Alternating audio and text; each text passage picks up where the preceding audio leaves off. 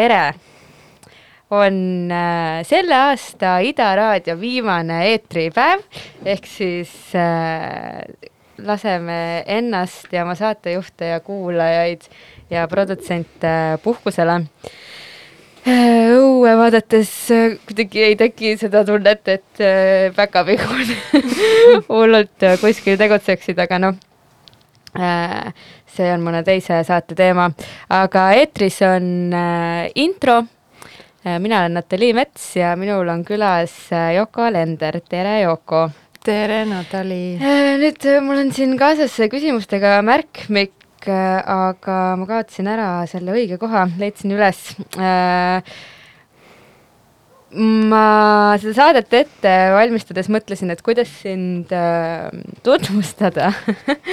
Ja ma teen nüüd siis oma ettepaneku ja sa saad kas täiendada või kuulan või- huviga. või ära võtta, aga ühesõnaga minu äh, tänane saatekülaline on siis ähm, hariduselt arhitekt, praegu äh, tegevpoliitik äh,, tegevettevõtja ja mulle tundub äh, sinu nagu tegemisi jälgides, et väga oluline on välja tuua ka sinu ema ja abikaasa roll sinu mm. identiteedis ja lisaks äh, ka joogaõpetaja ja isikliku arengu koolitaja, seda viimast äh, ma ei teadnud enne tänast.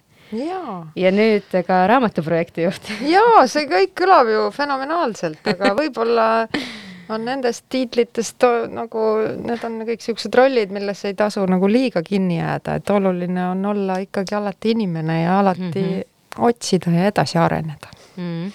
Äh, aga siiski seda suhteliselt nagu pikka nimekirja või ma isegi ütleks nagu ähm, sellist sisukat äh, nimekirja vaadates mul tekkis niisugune natukene nagu banaalne küsimus, et äh, kas sa oleksid valmis palun kirjeldama oma sellist keskmist päevarutiini?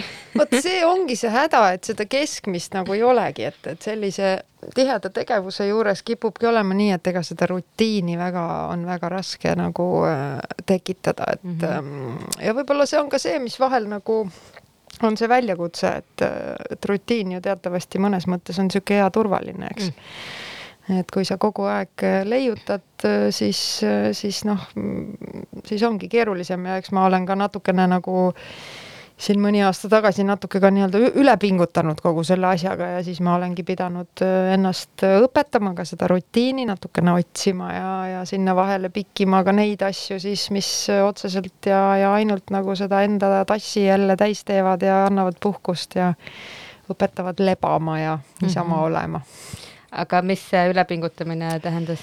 no see tähendas puht nagu füüsiliselt selliseid päris äh, korralikke nagu terviseprobleeme, et läbi, läbipõlemiseks nimetatakse seda vist peene te terminiga ja mul on ta pigem nagu olnud selline ütleme, selline liigselt püüdlikel inimestel ta kipub olema seotud igasuguste ärevus- ja paanikahäiretega, et, et see oli nagu maailm, millega ma pidin siis nagu tutvuma, ütleme nii mm. -hmm. aga eks see kõik on selline õppimise protsess ja, ja kui sa kuidagi noh, ütleme, see annab nagu veel ühe võimaluse oma kehaga tegelikult paremini ka tuttavaks saada, et eks see jooga ja jooga ja isikliku arengu pool, mida sa viimasena nimetasid, et see kõik ongi tegelikult ju tuleb läbi isikliku kogemuse, et ega see teooria on, on üks asi, aga, aga ise neid asju nagu kogeda ja, ja püüda siis mõista nii enda keha kui kui meelt, see, see võib-olla ongi väga õpetlik mm. -hmm aga kas äh, need praktikad, milleni sa siis jõudsid tänu äh, probleemidele, kas need on sind äh, aidanud? jaa, absoluutselt, noh, ütleme, et ega noh, jooga on mind tegelikult huvitanud juba sellest ajast saadik, kui ma vist kuskil niisugune keskkooli eas Rootsis ma sattusin mm. mingitesse naljakatesse joogatundidesse, aga see oli veel selline poolteadlik, et, et mulle meeldib öelda, et et võib-olla minu rasedused ja minu neli lapsekest tegid mulle nagu selgeks, et vaata, rasedana sa pead nagu aru saama, et sul on ka keha, mille eest on vaja hoolitseda, et noorena ma olin hästi selline spordikauge ja mulle tundus, et sportlased on pigem rumalad ja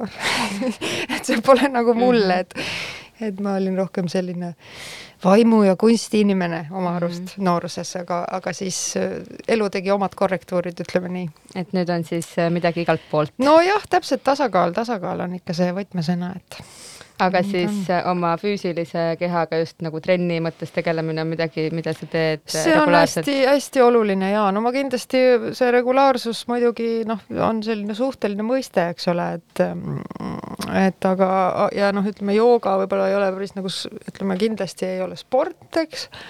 Aga, aga jooga võib-olla tegeleb rohkem ka nagu meelega, tegeleb, eks ole, keha puhastamisega võib-olla ka need joogastiilid, mida ma olen läbi aastate teinud, on olnud hästi erinevad ja ka erineva nagu tulemuse või funktsiooniga, et, et tänaseks ma olen jõudnud sellise üsna rahuliku ja eelkõige siis just puhastava nagu toimega joogani ja ja spordi mõttes olen ma üllatus-üllatus hakanud tennist mängima hoopiski mis on mulle endalegi väga, väga ootamatu ja siis nüüd viimasel ajal ka käin ma meres väga mm, tihti mm, -hmm. püüan käia, vaat et siin üle päeva vist õnnestub käia siin mõnusas ah, jaa, ma isegi nägin äh, sinu Instagrami kontolt äh, mingisuguse võistluse pilte. ja, ja meil oli siin, see oli küll rohkem niisugune show elemendiga, et siin oli see Eesti meistrivõistlused taliujumises olid Noblessner seminaris ja siis minu minu need ähm, taliujumise või talisupluse mentorid panid meid sinna kirja ja endalegi jällegi üllatuseks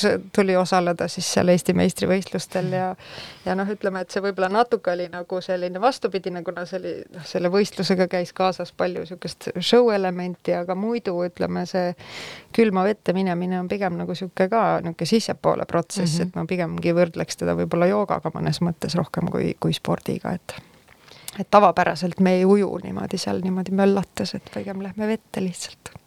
ei teagi, kas see nüüd on seotud äh, palju selle muutuva kliimaga, aga ma olen tähele pannud ka enda tutvusringkonnas, et taliujumine just eriti käimasoleval aastal on saanud inimestele mm, kuidagi äh, no see on kõva haip jah, mulle tundub, et see on, ma arvan, äkki see on natuke seotud ka kogu selle koroona stressiga mm., et, et see ikkagi tahes-tahtmata iga kord, kui sa seal vees ära käid, sa saad selle tunde, et sa saad hakkama nagu peaaegu, et mm. millega iganes, sest see tundub nii uskumatu, kui sa sinna vee juurde jõuad, oled paksus talvemantlis ja ja siis korraks tundub nagu endale ka, et oot-oot-oot-oot, päriselt lähmegi vette või. ja siis lähedki vette ja ongi väga mõnus ja tuled välja, on veel mõnusam, et mm, -hmm. et siis see niisugune niisugune usaldus elu vastu ja, ja see tunne, et ma saan hakkama, ma arvan, et seda on praegu, praegu väga vaja aga kas äh, see vees oleku aeg on iga kord kuidagi järjest pikem või sama või? ja no mina alustasin kuskil oktoobris vist oli see ja, ja mul ei olnud väga nagu sellist suurt ambitsiooni, et, et alguses ma käisin ikka lihtsalt vees korraks ja tulin kohe välja, eks ole, ja siis vaikselt hakkad nagu nii-öelda pikendama seda aega, praegu ma olen võib-olla kaks minutit seal mm, -hmm. et et ma nagu selliseid kangelastegusid väga ette ei võta, aga aga, aga noh, enam nagu sellist seda šokimomenti ei ole, et pigem on nagu selline meeldiv see kogemus mm, -hmm. ütleme nii. veel korraks jooga juurde tagasi tulles, et äh, mina umbes viis aastat tagasi tegi, tegelesin ka päris palju sellega, siis tekkis mingi vahe, nagu ikka elus on, ja nüüd äh, ütleme, viimased kaks kuud ma olen proovinud iga hommik äh, kümme minutit äh, teha kohe pärast ärkamist mm -hmm. joogat ja minu arust see õpetusmoment seisneb seal juba selles, et äh, no näiteks kui oled nagu eelmisel õhtul olnud äh, kauem no. õues, siis sa ei tee seda. või, või kui on nagu mingi kuidagi keeruline olla, siis tekivad mingisugused, ah, ma täna ei pea või et, et sellest ei ole midagi. aga aga et on tarvis seda nagu välist äh, tegurit ehk siis seda joogat mm, -hmm. et mingitest asjadest aru saada, et muidu noh, et sa kas siis oled tubli ja teed midagi või siis vastupidi, otsustad, et sa jätad selle tege-, tegemata, et võib-olla muidu ei pane üldse tähele ja et kuidas sa ennast tunned, eks ole, et see rutiinne tegevus tegelikult annabki selle võimaluse iga kord, kui sa seal mati peal oled, eks ole, märgata neid erinevusi, et mm -hmm. noh, mina küll ise nüüd olen jõudnud võib-olla sellesse etappi, kus ma nagu püüan ennast nagu just nagu mitte suruda ja mitte mm -hmm. nagu mhm. sundima ennast nagu tegema iga päev, et eks see oleneb ka vaata selles mõttes ma pooldangi seda, et on see, tuleb läheneda nagu hästi individuaalselt, et igal asjal on mingi mõju, et ei saa võtta nii, et noh, kindlasti peab tegema ja kindlasti iga mm -hmm. päev, et et võib-olla kui inimene ongi natuke liiga nagu selline ora, ora pehmes kohas, siis ta mm -hmm. võib-olla peab just õppima seda, et ei pea iga päev tegema, vaid ta nagu teeb siis, kui ta nagu tunneb ja ja, ja õpib siis nagu seda tähele panema, et mis see protsess on. Mm..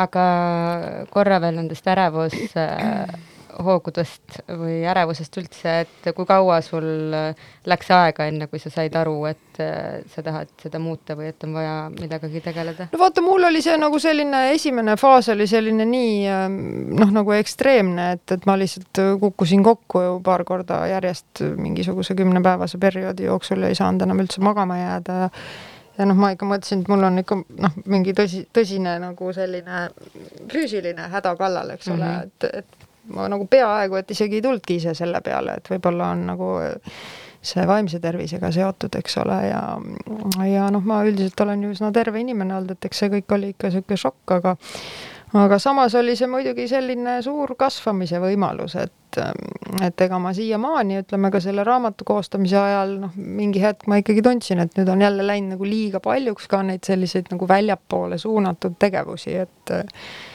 et keha, keha hakkab nagu ise nii-öelda märku andma ja siis lihtsalt kuna sa juba nagu tunned või tead, mis, mis siis nagu toimub, et siis oskad nagu endal püüda nagu sabast kinni võtta ja võib-olla ka mingil määral on ka oluline nagu leppida sellega, et, et ega, ega ärevus on ju normaalne elu osa, eks ole mm, -hmm. et mhm. kus siis on see nii-öelda normaalne ärevus Äh, ja kus on siis see koht, kus me nagu laseme sellel üle minna nagu selliseks nagu paanikaks, ütleme -hmm. või et eks me ise ka ikkagi noh, mingil määral on võimalik ikkagi õppida seda, õppida sellega nagu olema mm, -hmm. ütleme nii ma te tegelikult ausalt öeldes küsisin seda, sest mulle lihtsalt tundub ümberringi vaadates ja ka oma tutvusringkonnas, et väga paljudel inimestel on tegelikult ärevusega probleeme ja sellega, seda ei tunnistata või ei tegeleta, et kuidagi soov on, et inimesed saaksid äh, aru, et see ei ole kuidagi tabuteema ja, ja et äh, absoluutselt. Ja noh, vaata, on, ütleme, on nagu noh, natuke on nagu seda, see ka, et on nagu kahte tüüpi inimesi või on nagu noh, on need, kes pigem on nagu kalduvad nagu depressiooni poole, eks ole, noh muidugi ega ärevusega ka see võib nagu ka kaasneda, aga aga võib-olla need, kellel, kellel asi ei ole nagu nii hull selles mõttes, et nad on nagu väga nagu siuksed tegusad ja väga funktsioneerivad inimesed nagu kõrvalt vaadates, siis tavaliselt see ärevus kipubki nii olema, et sa justkui keerad nagu peale veel enam seda vunki, eks ole, et et kuna, kuna võib-olla noh, see on nagu selline põgenemine ka mõnes mõttes, eks ole, või, või et kindlasti see on asi, millest on vaja rohkem, rohkem rääkida ja ja rääkida niimoodi rahulikult ja, ja, ja just nimelt tabudeta mm. -hmm aga nüüd kiire hüpe hoopis muusika juurde. et äh, sa oled äh, minu palvel välja valinud viis lugu, mis su jaoks oli väljakutse jaa, see, no kes oskab just täpselt viis, vaata. muusikat on ju nii nii on. Äh, eks see mingis mõttes ongi sihuke Äh, no hea trikk saada ja. nagu inimeste kohta päris palju, su esimene lugu ja. oli äh, John Lennoni Imeilus äh, Woman, mis, ähm, kas see oli see, mille kohta sa ütlesid, et su lemmiklugu see oli mu esimene lemmiklugu, ma olin umbes kuueaastane ja siis ma kogu aeg isale ütlesin, no see I can hardly express, noh, ja siis ta võttis ikka tükk aega aega, enne kui ta jõudis nagu jälile, et see on Woman, mida ma siis aga see jah, tõesti ilus, ilus lugu siiamaani ja paneme siis ka juba järgmise loo, milleks on äh, Whitesnake'i Is this love? jaa, no vaata, Ina on ikka rokitüdruk, et ma mõtlesin, et ma üllataks noori kuulajaid sellise vana hea Whitesnake'i rokipalaga, kuulake seda häält ka nagu. väga hea, kuulame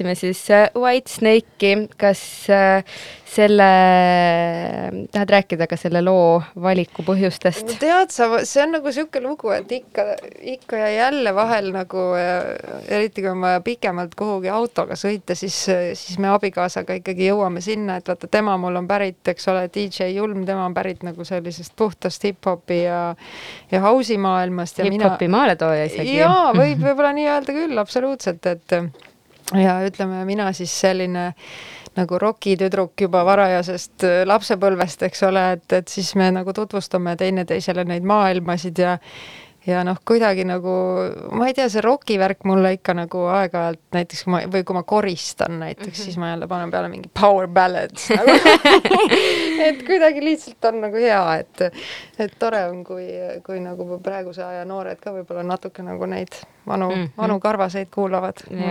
meeldib. absoluutselt äh,. mida su lapsed kuulavad? Kuule, no lapsed on mul väga sellised, mul kuna mul on neid neli ja nad on äh, kaks poissi, kaks tüdrukut, siis äh, tüdrukud on täielikult tantsufriigid, et noh, nemad on nagu sellised väga kaasaegse, ütleme sellise üt-, mõnes mõttes võib-olla mainstream'i, aga ikkagi niisuguse tantsu, tantsuasja poole peal. vanem poeg kuulab mul vist sellist äh, Skandinaavia rokki, äkki nagu mingit sellist noh, nagu meil on Metsatöll, eks ole, nii on äh, Soomes ja Rootsis mingid omad bändid ja mm -hmm ja noorem poeg, tema on veel nii noor, et tema, ma ei saagi täpselt aru, mis see tema nagu see stiil, tema kruuvib iga kord, kui midagi tuleb, siis ta on selline, ta, ta tantsib ka tegelikult hip-hopi, et et sealt äh, ei, noortega on huvitav, et mulle, mulle meeldib, see hoiab mind ennast ka kuidagi, tihtipeale ma tüdrukute lugude kaudu jõuan mingite uute asjadeni ja, ja vastastikku nagu nüüd üks päev nad just olid mingi vana loo avastanud jälle, ma ei mäletagi mm. praegu, mis see oli, aga no, Iris vist jah, see Goo Goo Dolls ja mm-hmm. et see on jumala vana lugu nagu, et et nagu yeah. nüüd nad, oo vaata, see on hea lugu emme.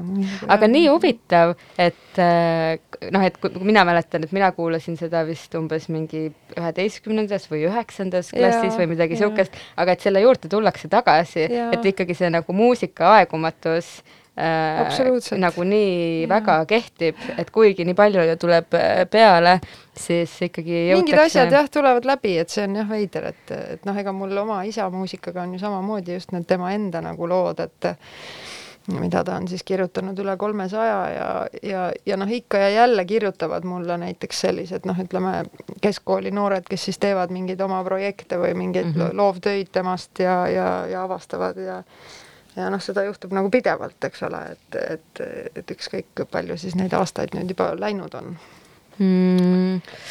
see on jah, tõesti äh, huvitav kui palju sul endal on aega üldse muusikat kuulata koristamise kõrval ja no vaata, oligi aastaid, kus lapsed olid ikkagi väiksed, kus ei olnud tegelikult ja, ja nii ja ütleme nii muusika kui kirjandus mingil määral nagu jäid nagu tahaplaanile, aga mm, -hmm. aga nüüd, kus, kus mul nagu noorem poeg on kaheksa, eks ole nüüd nagu viimased aastad ma nagu tunnen, et jälle on selline, sellist nagu vaba energiat tekkinud ja, ja muusika on tagasi tulnud ja, ja ilukirjandus on minu jaoks tagasi tulnud ja ja noh, ikka, ikka on oluline, et, et ma ei ütle, et ma nagu olen nagu super teadlik, mis, mis nagu muusikat puudutab ja kaasaegset muusikat puudutab, aga aga noh, õnneks meil on niisugused lihtsustavad mm. tööriistad nagu, nagu Spotify näiteks, et mm. sellepärast oli ka minu jaoks nii oluline saada ka need isa, isa asjad ja ruja asjad lõpuks ometi siis see aasta ka sinna Spotify'sse üles, et et noh, fakt on see, et, et enamus noortel noh, näitad neile CD-d, siis nad küsivad, et ka, et noh, mis, mis, kus, kus ma panen selle. See on väga õige, ETV-s oli Madis Nestori juurde saadetud üks kümneaastane tüdruk, et Madis tutvustaks talle kasseti, CD-d ja vinüüli ja see kümneaastane tüdruk ei teadnud, mis asi on CD, ta oli väga nutikas mm -hmm. tütarlaps see noh, kuna mul endal ei ole selles vanuses tuttavaid, äh, siis see on nii, noh, mul ei ole nagu konteksti sellest yeah. aru saada, aga. ei, ma saan aru küll, et noh, viimane oli võib-olla ütleme DVD-d, eks ole, et see oli veel midagi, aga, aga noh, ega seda ka enam naljalt ikkagi äh, lapsed ei, ei tea, noh, on mm, -hmm. on ikkagi Netflix ja, ja nii edasi, eks ole, et et selles mõttes see maailm on ikkagi täiesti muutunud ja noh, kuna mul tõesti abikaasal oli ka ju plaadifirma, et siis ma nägin üsna nagu lähedalt seda, kuidas kahe tuhandendate keskpaigas see kõik nagu muutus ja kokku kukkus, et see oli päris huvitav. Jah, et, et, et jah, selle koha pealt tuleb lihtsalt äh, seal, selles on omad head ja vead, eks ole, et, et, et, et tänu Spotify'le näiteks ja tema igasugustele otsingusüsteemidele ma olen ju leidnud nii palju muusikat, mida ma võib-olla muidu poleks leidnud, eks ole, aga, aga samas jällegi, kui sul on üks korralik LP, mille ju- juurde käib ka kogu see nii-öelda artwork, eks ole mm, Mhm. -hmm. siis noh, sellel on jällegi oma, oma väärtus. Äh, aga ma julgen äh, eeldada, et äh, vinüülide peal teil kodus ikkagi mängitakse muusikat. tead sa, mängitakse, aga päris harva Mm. sellepärast et meil on selline lugu, et ega Priidul on neid plaate ju lihtsalt nii palju, ma ei tea, mingi viis tuhat või mis tal on, et tal tegelikult plaadid on ikkagi stuudios mm. -hmm. ja, ja meil on olnud mingid sellised perioodid, kus me oleme toonud lihtsalt koju, et on noh, ma ei tea, a la jõuludeks toome ja siis, siis on nagu äge ja lapsed saavad proovida ja ja maale me oleme nüüd, CD-d ma viisin kõik maale, et maal saab CD-d kuulata, et see on juba selline rariteetne värk, tead. nii ta on Äh, aga mis äh, näoga siis lapsed vaatavad, kui LP-d välja võetakse, Ei, kas see on neil- nagu niisugune mingi põnev ei, maailm jaa, neile meeldis väga nagu see juba see noh, vaata plaadimängija on ju suhteliselt niisugune huvitav ja kõik need mm -hmm. nupud ja, ja noh, pult on äh, ka meil ju kodus olemas ja ja, ja nad ikka hea meelega nagu natuke näppisid. mm. -hmm. Kas ma väga palju muidugi ei tahaks sinuga praegu siin poliitikast rääkida, aga, aga natuke võiks. No ikka mind lihtsalt jaa. äh, huvitab, et kuidas sinu poliitikasse minemine toimus? Jaa, see on väga tore. Ja ühesõnaga see juhtus niimoodi, et noh, mina ju ütleme üks kümme aastat tagasi äh, tundsin nagu, olles siis just Kunstiakadeemia lõpetanud, teinud oma magistritöö siin selle Kopli kaubajaama kohta, mille kõrval me siin istume, eks ole. ja, ja just olles ka avanud siis siin selle F-hoone restorani ja, ja noh, nähes nagu seda meeletut potentsiaali, mis Tallinnas tegelikult on nagu leidsin, et see elukeskkond, noh, millest täna ju igaüks või ütleme, väga palju räägitakse ja, ja noh, mis, mis teeb nagu suurt rõõmu, aga tol ajal ma ikkagi tundsin ennast üsna nagu ufona ja eriti mulle tundus, et nagu poliitikute hulgas oli noh, vaata, et ei olnudki tegelikult neid inimesi, kes üldse midagi sellest oleks arvanud, et arvati, et elukeskkond justkui kujuneb nagu iseenesest või, või pole nagu meie asi, eks ole. Et pigem oli nagu ütleme, selline rahapoliitika oli nagu tol ajal hästi oluline, eks ole, ja noh, kodakondsuspoliitika mm. võib-olla, aga noh, sellised nagu tänava, tänavaruumi ja elukeskkonna teemad, need nagu eriti ei olnud pildis. ja siis äh, oli sihuke lugu, et vot Marten Kaevats oli vist see mees, kes oli kuulnud äh, et Eerik-Niiles Kross kandideerib ähm, linnapeaks Tallinnas ja tema tahab äh, just nagu elukeskkonna võtta nagu enda, enda nagu äh, teemaks ka. ja siis ma kohe kuidagi mul nagu käis mingi klõks ja, ja, ja mäletan, oli veel see Viljandi folgi ajal ma vist Martenit äh, kohtasin ja, ja siis ma ütlesin, et ei kuule, ma pean ka tulema, et et mis te seal ikka arutate, et ma tahaks ikka ka juures olla ja, ja põhimõtteliselt pressisin ennast sinna nagu sisse enam-vähem, et et kuna nagu lõpuks ometi ilmus mingi tähtis mees, kes ütles nagu sõna elukeskkond, eks ole ja ma justkui nägin seal mingit võimalust ja, ja, ja noh, Eerikuga meil tekkis nagu hästi ruttu selline ütleme, mõistmine sellel, sel teemal ja ja siis ta kutsuski mind üsna, üsna ruttu ka kandideerima ja noh, eks ma algul muidugi kõh-, kõhklesin ja kahtlesin, eks ole, et äh, mul oli, Taag oli siis äh, mingi aastane vist väiksem, väiksem mm. -hmm. poeg, eks ole, viima-, neljas neljas laps, et kuidas ma ikka jõuan ja kas meil ikka Priiduga ütleme, jääb ka nagu omavaheliseks suhtluseks aega ja, ja kõik need asjad, eks ja, ja noh, ma olin samas juba töötanud nii erasektoris arhitektina kui noh, oma, oma bürood, eks ole, vedanud koos Veronika Valguga ja siis siis ka mingis kultuurivallas, eks ole, siis ma olin olnud linnavalitsuses. eh, või õigemini siis eh, kultuuriväärtuste ametis eh, miljööaladega tegelenud ja olin eh, selleks hetkeks siis Kultuuriministeeriumis arhitektuuri- ja disaininõunik. aga pidevalt mulle ikkagi tundus ka, et noh, mina võisin nii-öelda spetsialistina mingit asja soovitada, aga ministri poolt võis ikkagi tulla, et vot poliitiline otsus on teistsugune, eks ole, et, et noh, miks ma siis ei lähe ja ei püüa see poliitiline otsus ise teha, eks ole et, et võib-olla see oligi siis see nii-öelda otsustamise koht ja ja mis seal salata, läks ju väga hästi kohe esimestel kohalikel valimistel. ma sain linnavolikokku siitsamast Põhja-Tallinnast äh, valituna, tol ajal siis veel Isamaa nimekirjas mm. -hmm. noh, siis äh, Isamaa, siis ma avastasin, kui siis natuke läks aega edasi, et missugused äh, tüübid seal parteis nagu päriselt on, eks ole, kuna nendega meie eriti nagu siin kohalike valimiste ajal kokku ei puutunud, igasugused Reinsalud ja muud tüübid ja noh, sealt läks nagu see, hakkas nagu üsna ruttu selgeks saama, et ega see ei ole päris nagu minu jaoks õige koht ja, ja ütleme, Reformierakond võib-olla ka samal ajal tegi päris palju muutusi läbi, eks ole, et, ähm, et Ansip läks äh, ära ja ja tuli siis Taavi Rõivas ja, ja hulk nii-öelda noori, noori uusi tegijaid sinna, et, et siis ma ikkagi otsustasin siis enne Riigikogu valimisi nii-öelda teha see, teha see nii-öelda Lüke ja, ja Reformierakonnaga liituda ja sealt siis äh, kaks tuhat viisteist sain siis esimest korda Riigikokku. et selline tee kuidas... et elukeskkond on süüdi ikkagi nojah, see tundub mulle nagu siiras, kui inimesed suunduvad poliitikasse oma hinge ja no see oli nagu selline erialane ühest küljest, aga teisest küljest ka olles nagu siin kümme aastat Põhja-Tallinnas, eks ole, elanud ja lapsi püüdnud, eks ole, kasvatada ja, ja nä nähes, eks ole, noh, kuidas sa lapsevankriga ei, lihtsalt ei saa nagu mitte kuhugi ja ja noh, ma elan Pelgu linnas ja ma tunnen, et mul peab olema peres kaks autot, no mida värki, eks ole, noh, see ei ole normaalne, eks ole.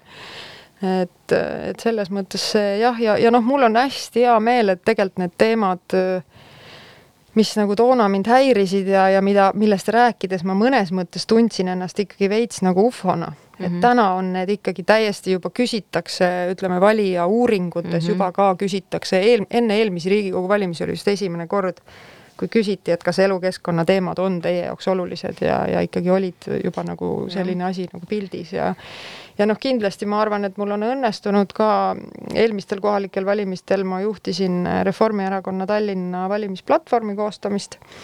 Ja, ja ma arvan, et see protsess, kus me ikkagi hästi palju kohtusime igasugu toredate ägedate spetsialistidega ja, ja noh, need asjad nagu kuidagi said nagu rohujuure tasandil ka, ka meie erakonna inimestel nagu selgeks, et, et, et praegu ma nagu näen, et see, et me liigume nagu selles suunas, ilma et mina peaksin nagu mm -hmm. vedama ja -hmm. see on päris hea tunne eks see kuidagi esimene olemine või see esimene arusaaja olemine ongi nagu keeruline, aga. ja noh, ta võib tunduda selline tänamatu, aga tegelikult ma arvan, on ju niimoodi, et, et mida laiem ring neid teemasid omaks võtab, seda suurem on see lootus, et, et need päriselt ka üks hetk juhtuvad, eks mm -hmm. ole, ükskõik millised koalitsioonid moodustatakse või mis iganes ja ega ma näen ju ka täna, Keskerakond on ju ka võtnud Tallinnas võimul olles noh, minu meelest mitmeid ideid, mis tegelikult noh, mida võib-olla meie välja käisime, võib-olla nad ei tee neid täpselt nii, aga need suunad on vähemasti mm -hmm. seal ja, ja selle üle saab ju ainult head meelt tunda. jaa, seda, seda kindlasti, et lõppude lõpuks võiks ikkagi kõigi soov ja eesmärk olla, et äh, seesama elukeskkond äh, muutub äh, paremaks. jaa, absoluutselt.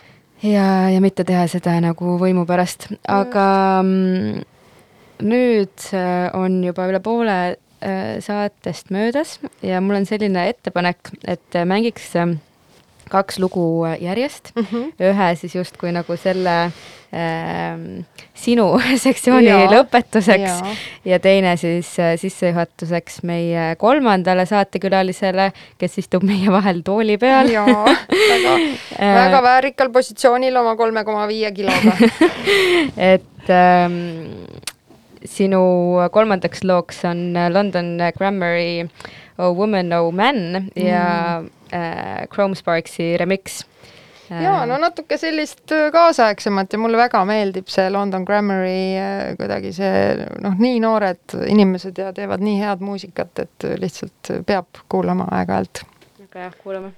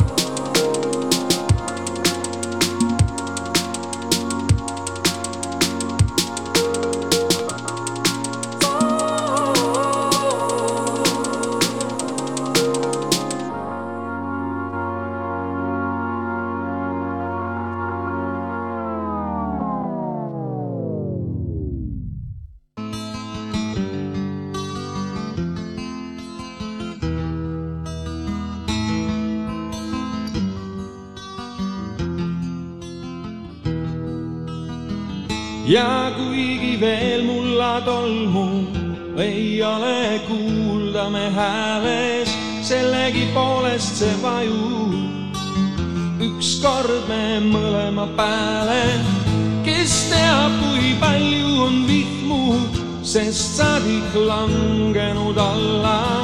Ja kui mitmetel lõõmustel lehed on pääsenud okstest valla. eks sa isegi tead, et ma tunnen su ihu igal pool ära. Ja silmal lauge ja saatust ja ripsmete rusket sära. sa ei mõista kuskile panna, sest et igasse südatalve sina joonistad ise mu näo ja kõrvale kirjutad palve, et me oleks veel niisama noored ning teaksime puid ja rohtu ja et sa ikka veel salaja loodaks, et ega me alles ei kohtu. ent juba septembris, kui kukub pähklipuist maha kõlinal raha, me näeksime teineteist linnas ning sa jälle lööks silmad maha, sest tookord sa olid nii noor, et ma heitsin su näole suuri, nagu oleks see mõõgatera, mis pühitseb nukraid huuli. Ja su silmade põhjas kerkis siis surmale kullast ringe ning sest saadik minul on õigus. Eluaeg püüda su hinge.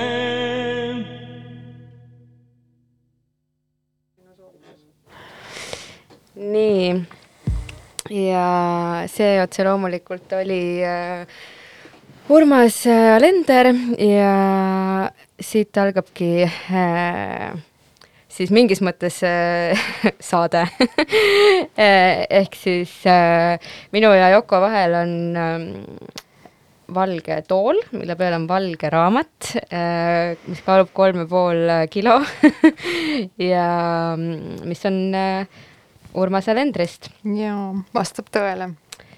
Ähm, ma ei tea, mul isegi hakkas kuidagi nagu süda kiiremini puperdama praegu selle peale, et äh, ühesõnaga äh, oled siis äh, kõige muu kõrvalt äh, koos oma tiimiga, ma eeldan äh,, hakkama saanud äh, Urmas Alendrist raamatu kokkupanemisega jaa, no see mõte tegelikult sündis juba, juba päris ammu, et ma kuidagi noh, ma olen neid tema nii-öelda seda pärandit tundnud, et, et ma pean seda nagu Eesti inimesteni nii-öelda tooma erineval kujul, noh nagu ma ütlesin, kas või needsamad digitaalplatvormides kättesaadavaks tegemine, plaatide väljaandmine ja nii edasi ja, ja, ja ka ühe DVD, ühe filmi väljaandmine et see raamatu mõte sündis sellest, et, et, et levib juba nagu noh, ta on kakskümmend viis aastat nüüd ise juba, eks ole, meie hulgast äh, kadunud.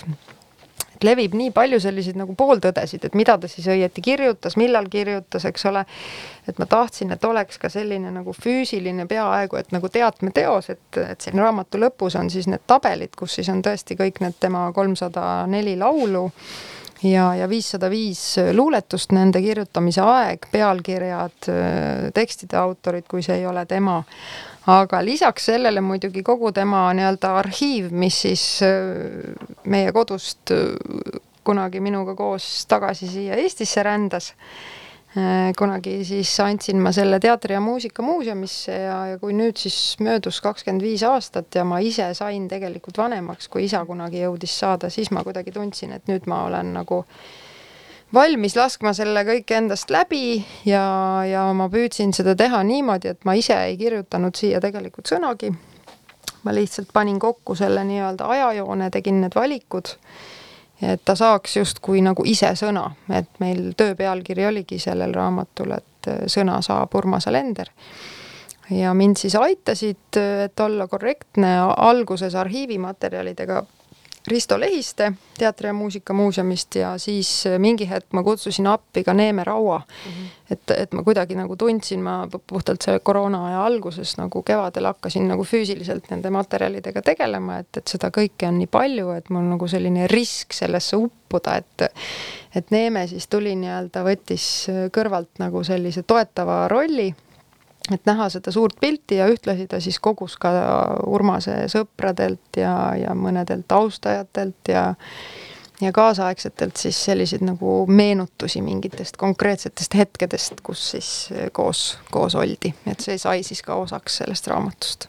ma seda saadet ette valmistades mõtlesin äh, selle peale, et äh, mingis mõttes ta justkui äh, koostas ise seda raamatut äh, elus olles ja nüüd ma ja. näen, et sa oled äh, tänusõnades äh, seda ka välja toonud. jaa, ma, ma ütlekski nii, et ta ise on selle raamatu autor, sellepärast et see, millise pedantsuse ja, ja järjepidevusega ta oma seda arhiivi ja, ja kõike seda oma loomingut, mis oligi tema elu äh, kogu aeg sellega nagu tegeles, seda, seda arhiveerimist, seda üleskirjutamist, seda kõike tegi, et see oli noh, minu jaoks ilmne, et et tema mingisugune alateadlik tunne oli, et see peab saama nagu mhm. Eesti inimeste ette, see mhm. kõik, eks ole, et Kas... et mul oli selles mõttes seda tööd nagu lihtne, noh, selles mõttes nagu lihtne teha, et palju oli, noh, enamus oli ikkagi tema poolt ette, ette valmistatud, aga, aga noh, muidugi kui ma läksin esimest korda, ma vist umbes kaks aastat tagasi tegelikult juba mm, mainisin Londonis ühel mingil Eesti üritusel olles Jan Tomsonile, et kuule, meil on niisugune plaan, et tahame teha niisuguse raamatu, et kas sa tuleksid kujundama, sest mul oli kuidagi noh, nii minul kui, kui mu abikaasal Priidul on olnud Janniga varem kokkupuuteid ja ja tundus, et tema nagu võiks just olla see õige inimene, kes ka nagu noorema põlvkonnale selle asja tooks nagu niimoodi nende ette, et see kõnetab. Ja, ja siis ta ütles kohe, et jaa, muidugi, et ta on ju kõva nagu rokifänn, et ta tegi ju Krapsi raamatu ka ja ja siis mul oli hästi hea meel, nii et, et muidugi Annil oli ka väga suur, suur roll mm. -hmm. kas, kas sa ise muidu pead päevikut? no tead, mina olen selline üsna mitte järjepidev päevikupidaja, aga ma kirjutan küll palju. Et tegelikult minu jaoks nagu see selline analoogmaailm on, on ülioluline ja, ja mulle väga meeldib see, et ka selle raamatu puhul siin ei ole ühtegi lehte, mis oleks käinud originaalis läbi arvuti ainus, mis siis on, on, enamus on käsitsi kirjutused, kirjutatud, käsitsi joonistatud, mõned vanaaegse trükimasina asjad on, eks ole ja, ja artiklite väljalõiked. Aga sellist tänapäevast arvutit siin raamatus ei, ei kohta, selles mõttes on see, noh, mulle meeldibki öelda, et see on natuke nagu selline analoograamat, et et selles on mingisugune oma väärtus, et, et see käega kirjutamine mulle, mulle meeldib küll ka kirjutada, jah. ma enne Puändi raamatupoes esimest korda tutvusin selle raamatuga ja siis ähm, äh, Elisa pakkus mulle kohe niimoodi, et kuule, kas sul juba on olemas järgmise aasta kalendermärkmik mm -hmm. ja siis see nagu kalendriraamat oli mul põlvedel oli nii, et ei, et mul ei ole. Ja et ma tegelikult nagu ei kasuta otseselt kalendermärkmikku ja siis nagu positiivses mõttes ma hakkasin ennast kuidagi süüdi tundma, et võib-olla peaks, mitte et ma arvan, et minust keegi kunagi raamatut kirjutab, aga et äh, see võib olla nagu äh, kuidagi nagu ajastu peegeldamiseks Jaa. või ajastust rääkimisest nagu oluline, et inimesed äh, mitte ainult ei kirjuta nagu notes idesse, kuhu, mida nad saavad ära kustutada, aga et tekib mingisugune nagu kirjutatud äh, ei no ja kuhu need notes'id ka lõpuks kõik lähevad, eks ole, kõik need fotod, mis meil arvutis on, et noh, mõni arhiveerib igasugu ketaste peale, formaadid muutuvad, eks mm. ole, aga kui ma seda raamatut tegin ja siis üks inimene saatis mulle ühe diapositiivi seni olid mul kõik fotod olnud seal raamatus mustvalged, eks ole, ja siis see värvifoto selle diapositiivilt teht-, ma ei tea nüüd, kas te kuulajad teavad, mis asi on diapositiiv. sa võid oli... selgitada, ma arvan, et teavad. see oli niisugune veider asi, tehti nagu pilti ja siis äh, paberfoto asemel tuli selline väike värviline nagu filmilint, filmilindi tükk, ühesõnaga üks kaader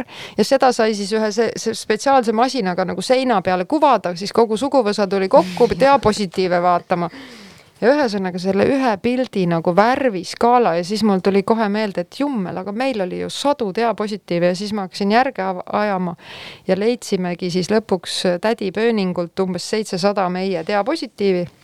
ja sealt on siis selle raamatu enamus äh, värvifotosid pärit.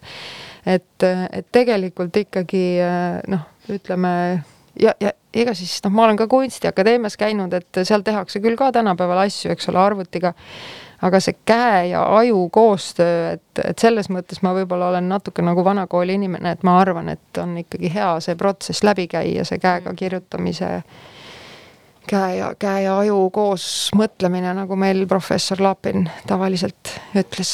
kuigi äh, EKA-s minu arust praegu ikkagi ka hoitakse seda analoogmaailma nagu No ma loodan. hinnas. ja see on, eriti ma arvan, et see on ka ikkagi erinevatel. Eestis, Eestis ikkagi meie nagu omapära, eks ole, et et kuskil meil on nagu mingi see käsitöö ja, ja käelise mõtlemise nagu traditsioon on, on täitsa olemas, et noh, minu meelest kasvõi nagu ma ei tea, Janni puhulgi, eks ole, et, et ka, ka te, te, ma ei tea, ta vist nüüd ostis küll endale iPhone'i lõpuks, aga vaene mees et, et selles mõttes jah aga vot see, et Jann ostis iPhone'i ja kogu linn seda teab, minu arust näitab ka nagu see näitab nagu, milline statement see oli nagu, et just, Jaa. see on naljakas jah Ähm, äh, kuidas seda raamatut äh, peaks äh, kasutama? see on väga hea küsimus. Vot siin nüüd Priit Hõbemägi kirjutas ka eile Ekspressi ühe arvust- äh,, arvustuse siis meie, sellest meie raamatust. ja mulle jäi mulje, et tema vist lihtsalt lehitses korraks seda mm. raamatut, aga ühesõnaga seda raamatut võib ka korraks lihtsalt lehitseda ja vaadata lihtsalt ilusaid pilte, see on väga okei okay,, sest siin ongi väga palju ilusaid pilte aga seda võib käsitleda teatud mõttes ka kui kogu äh, Eesti nagu ähm, paralleeli kogu Eesti roki nagu olemusele, sünnile ja, ja mõnes mõttes ka surmale. et see Ruja lugu seitsmekümne esimesest kuni, kuni kaheksakümne kaheksanda aastani, ta mõnes mõttes näitab päris hästi kogu seda ajastu vaibi ja ja ma lugesin samal ajal ka just ühte Inglismaal välja antud raamatut, kus äh, siis just nimelt nagu Death of the Rockstar, et viimane rokkstaar suri üheksakümmend neli, noh, võpatasin ma selle peale ja, ja mõtlesin, et mida pekki ja see siis nende, nende nägemuses oli Kurt Cobain. ja, ja tõepoolest tegelikult Eesti ikkagi astus vägagi nagu sedasama jalga ja, ja ega siis kogu Nõukogude Liit vaatas ju samuti Eesti peale tol ajal. Aga, aga teine võimalus on, on minnagi reaalselt ikkagi Urmas Alenderi elu sisse, et üks inimene kirjutas mulle just täna et, et noh, sa võid nagu süüvida, süüvida, süüvida, uuesti, uuesti, uuesti leida siit, ma ei tahtnud kirjutada asju lahti, kuidagi seletada puust ja punaseks, mõned sellised viited on. Nendest meenutustest leiab mõningaid viiteid. aga põhimõtteliselt äh, sa võid võrrelda oma vanemate eluga, mida nemad tegid just sel ajal mida mingi sinu, sinu teine, ma ei tea, mida Freddie Mercury tegi samal ajal, eks ole, aga, aga noh, loomulikult võib seda võtta ka lihtsalt, lihtsalt kui ühe inimese lugu, et et siin on väga palju nagu erinevaid, erinevaid viise, et kas äh, teil olid Janniga ka mingid raamatud eeskujuks? me käisime läbi küll jah, mõningaid raamatuid, aga, aga ma pean ütlema, et ega me tegelikult ühe, ühtegi neist äh, võib-olla oli mingeid nagu suundi, mille kaudu me saime siis kuidagi omavahel üldse nagu rääkida, et et kas nii või kas naa või aga kuidagi tegelikult need suured otsused sündisid nagu üllatavalt äh, kuidagi ruttu meil ja, ja tundub, et olid ka nagu õiged otsused, et, et kas või see formaat, see, see suurus see kronoloogiale nii-öelda truuks jäämine kui see, mis siis annab nagu selle selguse sellele raamatule, et see ongi ikkagi kogu tema loomeperiood siis viieteistaastasest kuni neljakümneseni.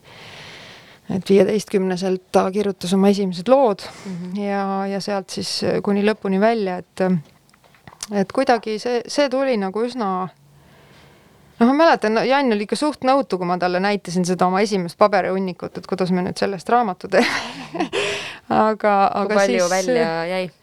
no ikka jäi, ikka jäi jah, üksjagu. tuleb siis teine osa ka ei, ei selles mõttes jällegi ma, ma pean ütlema, et noh, mul mingi hetk oli ka tunne, et tuleks teha eraldi kolm raamatut, et Ruja päevik peaks olema eraldi, et Ruja fotoalbum peaks olema eraldi.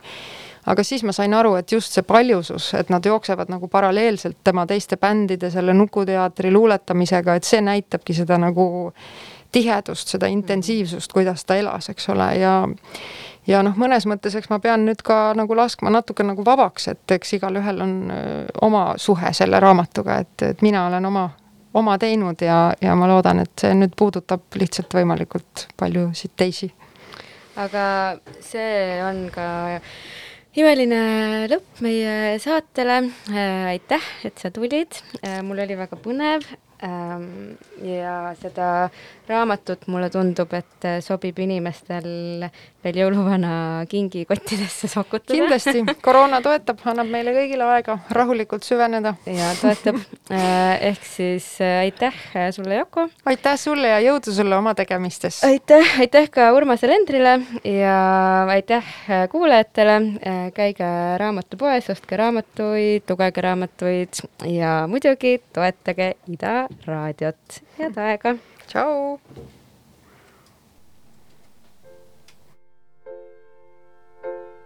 vaikusse, valgusse, puhtusse minna suudan. kui ületan enda, sinusse usun kui kindlasse linna ära, siis minema lendan. kõik, mida tunnen,